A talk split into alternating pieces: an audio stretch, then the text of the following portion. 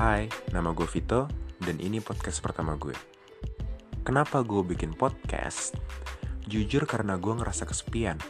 Iya, kesepian di tengah pandemi corona kayak gini emang hal yang paling gak enak buat gue.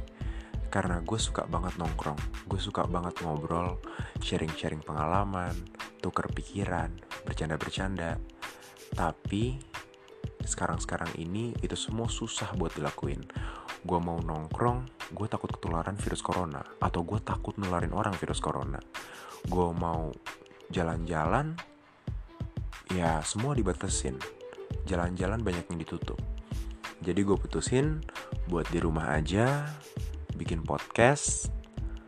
Toh kan ada kalian yang dengerin semua ocehan-ocehan gue. Kalian kalau lagi bosen biasanya ngapain? jalan-jalan, riding, traveling, shopping, atau apa? Kalau gue biasanya suka banget jalan malam-malam. Asli itu enak banget. Biasanya gue suka jalan sendiri aja gitu ke daerah Bulungan, daerah Blok M, makan di Gultik, beli Starling. Wah, nikmat banget.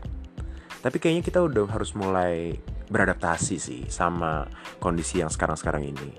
Kita harus muter otak gimana caranya kita ngatasin kesepian kalian udah nemuin cara baru belum? Kalau cara baru gue, ya gue bikin podcast ini.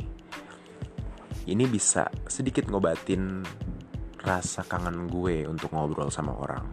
Ya walaupun gak real time langsung dijawab, tapi kan seenggaknya gue bisa nuangin isi hati gue. Gue bisa nuangin isi pikiran gue.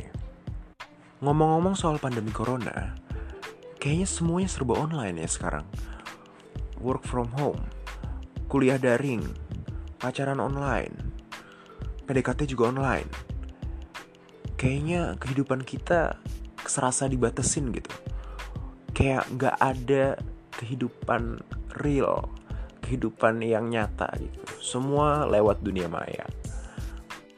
Kira-kira kapan ya semuanya bakal selesai? Kapan ya pandemi ini selesai? Semoga secepatnya sih, karena gue udah gak sabar pengen nongkrong, pengen ngerasain kehidupan real lagi. Kalau kayak gini, baru ngerasa kalau kehidupan itu tuh sebenarnya indah banget.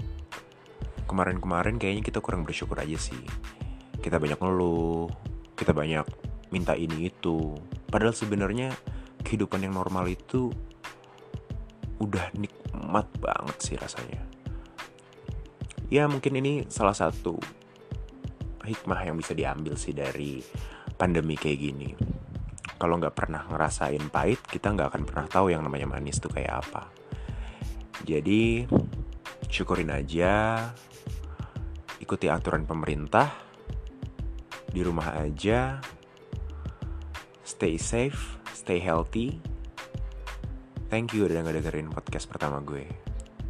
Bye